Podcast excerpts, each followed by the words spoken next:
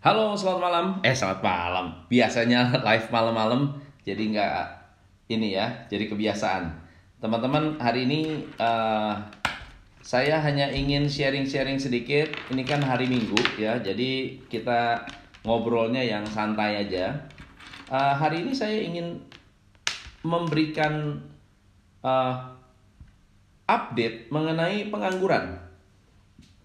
Teman-teman sadar nggak? Teman-teman sadar nggak bahwa pengangguran saat ini akan akan meningkat lebih tajam dari sebelumnya? Teman-teman, pengangguran akan meningkat lebih tajam. Pengangguran akan naik lebih banyak lagi uh, setelah COVID-19. Bahkan setelah recovery, pengangguran akan tambah banyak. Pengangguran itu sudah sekitar 5 juta, hampir mendekati 6 juta jiwa.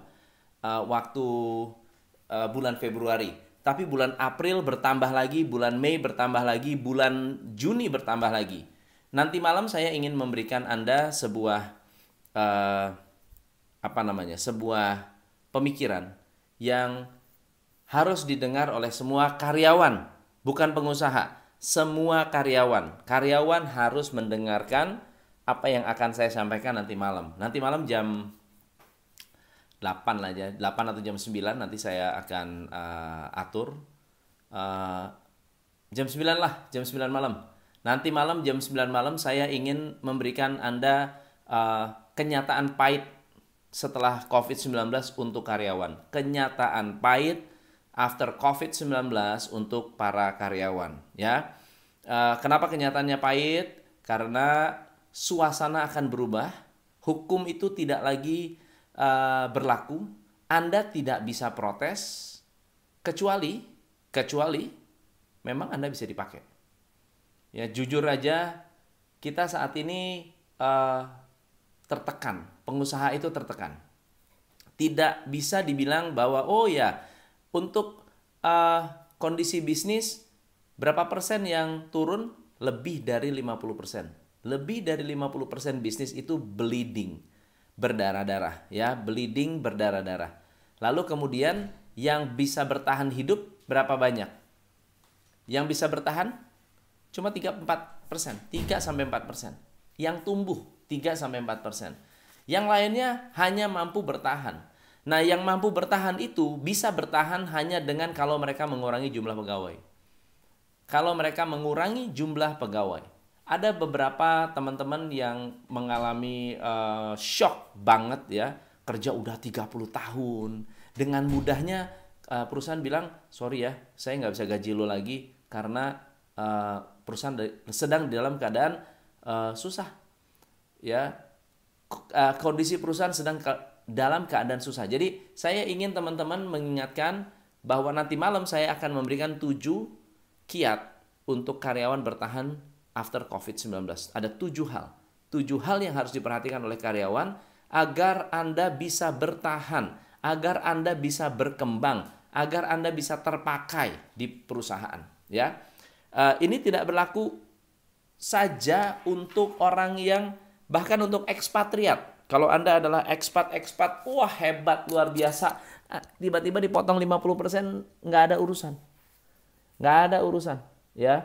Kemudian uh, jumlah pengangguran itu bukannya bukannya uh, uh, uh, bukannya jumlah 5 juta tapi menurut saya bertumbuhnya atau bertambahnya 6 jutaan. April gitu bertambah 6 juta. Bulan ini bertambah 3 juta. Bertambah 3 juta. Bulan April itu bertambah 6 juta. Jadi menurut saya uh, uh, berapa banyak yang yang uh, terkena dampak. Saya bacakan statistiknya. Jadi kalau ada 131 penduduk uh, uh, jum, penduduk bekerja ya, 131 juta penduduk yang bekerja, maka sekitar uh,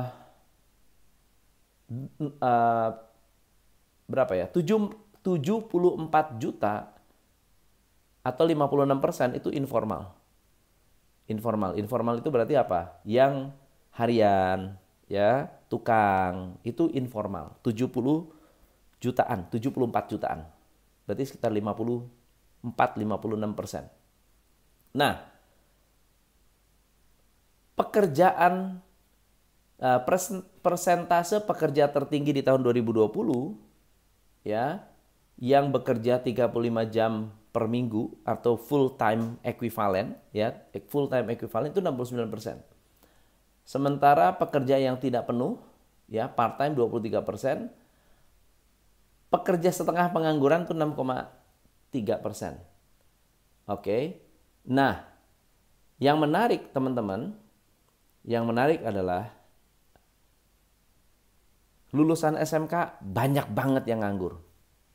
Lulusan SMK akan banyak sekali yang menganggur. Ini uh, 8,9 persen di bulan Februari ya adalah pengangguran. So pertanyaan saya adalah kira-kira tahun ini kalau teman-teman ingin tetap bekerja, gini loh. Ada orang yang karena tidak terpakai di perusahaan pengen jadi pengusaha. Dan menurut saya itu langkah yang salah besar. Karena untuk menjadi pengusaha itu gini apa ya? Anda jadi pegawai aja nggak kepake gimana mau jadi pengusaha gitu. Kalau jadi pegawai, jadi karyawan, lalu kemudian males-malesan, di, dikasih dikasih Eh, kesempatan untuk work from home nggak dimanfaat untuk produktif, tidak dimanfaatkan untuk produktif ya. Jadi ada ada keluhan-keluhan yang dialami oleh banyak pengusaha hari ini. Ada banyak, ada banyak datanya. Ini saya baca dari OK Finance ya, saya baca di OK Finance. Jadi gini, teman-teman perlu melihat filosofi dalam produktivitas ya, filosofi dalam membangun productivity. Productivity itu begini karyawan kita, karyawan Anda, karyawan banyak sekali uh, perusahaan di luar sana adalah orang-orang yang taking work for granted. Ya, ah mumpung saya digaji, ya udah saya kerja. Ya kalau saya digaji syukur, kalau nggak nggak digaji nggak apa-apa. Tidak ada upaya serius untuk benar-benar menghasilkan sesuatu yang luar biasa. Ambil contoh ya, COVID-19 kesempatan karyawan untuk uh, menunjukkan dedikasi itu besar sekali. Kenapa? Coba Anda bayangkan, ada kesempatan untuk work from home. Saat work from home, malah ngurusin anak, malah ngurusin suami, malah ngurusin uh, rumah tangga, malah ngurusin online shop. Pekerjaannya tidak dikerjakan, pekerjaan utamanya tidak dijalankan ya dengan berbagai alasan. Jadi work from home tidak menjadi work itu menjadi a holiday from home. It's a holiday. Anda digaji 50% lalu kemudian membiarkan diri Anda tidak produktif dan tetap digaji. Nah, teman-teman, perusahaan itu bisa jadi uh, baik tapi tidak bodoh. Ya, ada orang bilang gini, Tom, coba ya, perhatiin ya. Kalau ada orang baik, hati-hati. Orang baik itu baik, tapi nggak goblok. Ya, nggak bodoh. Perusahaan itu baik, tapi bukan berarti bodoh. Nah, kita perlu berhati-hati, awas, waspada, ya. Nanti malam, nanti malam saya akan sharing tentang teman-teman untuk mengubah mindset ya sebagai karyawan. Karena kerjasama karyawan dengan pengusaha yang akan membuat Anda bertahan luar biasa saat COVID-19. Akan bertahan hebat, luar biasa. Jadi kerjasama ini penting sekali. So nanti malam semoga teman-teman bisa sharing, bisa bisa ikut ikut uh, uh, uh, dengerin ya, ikut denger, ikut sharing, ikut berbagi uh, belajar mengenai betapa pentingnya betapa pentingnya kita memiliki kesadaran akan kebutuhan perusahaan hari ini. Mungkin tidak bisa sempurna, nggak apa-apa. Tapi kita sudah mulai. Ya, nggak sempurna, nggak apa-apa. Tapi kita bisa mulai. Nah, jangan sampai Jangan sampai COVID-19 ini dipakai sebagai alasan Jangan sampai COVID-19 ini dipakai sebagai alasan untuk memecat Anda, menyaring Anda, ya, memecat, menyaring, lalu kemudian uh, mengeluarkan Anda PHK tidak dapat tidak dapat pesangon sama sekali dan Anda tidak bisa menuntut sama sekali atas nama COVID-19 atas nama COVID-19.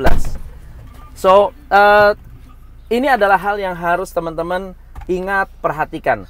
Kita harus bisa menyelamatkan banyak orang, harus bisa menyelamatkan banyak pengusaha, harus bisa menyelamatkan banyak bisnis.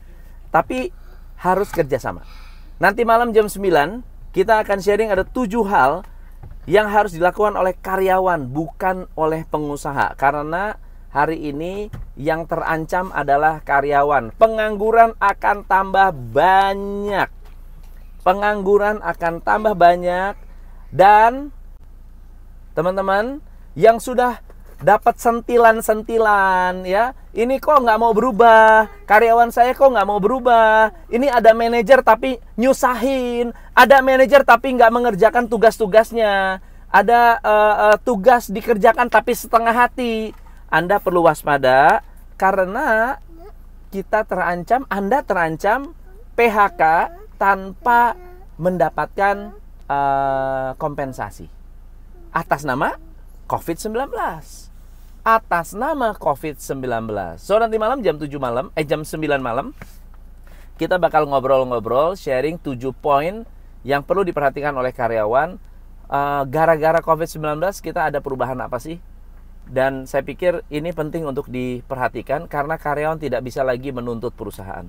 Karyawan tidak punya hak untuk menuntut perusahaan kalau tidak produktif. Karyawan tidak bisa lagi menjadi raja lagi. Mau demo silahkan. Mau demo silahkan.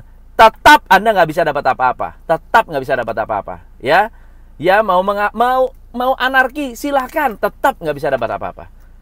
Tapi hari ini mau sukses nggak bisa egois.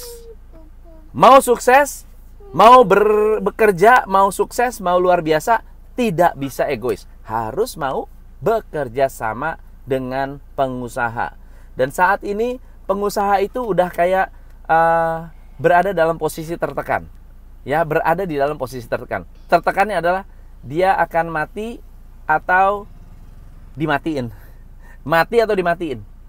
Ya. So, thank you banget teman-teman uh, malam ini uh, sharing kita akan seru banget. Buat yang pengumuman seperti biasa yang belum daftar uh, workshop from home, workshop from home kita akan diadakan malam hari Rabu Kamis pengumumannya. Rabu Kamis jam 9 uh, 7 malam. Jam 7 malam untuk teman-teman yang ingin belajar tentang opportunity post COVID-19. Bagaimana buka bisnis setelah COVID Gimana cara Anda buka bisnis baru saat COVID-19? Gimana cara Anda ekspansi? Gimana cara Anda menemukan karyawan? Bagaimana cara Anda mengelola agar bisa uh, mendapatkan? Nah, ini topik-topiknya ya. Gimana cara mengubah tantangan-tantangan dalam bisnis? Bagaimana membuat bisnis Anda tepat sasaran? Bagaimana kolaborasi secara digital?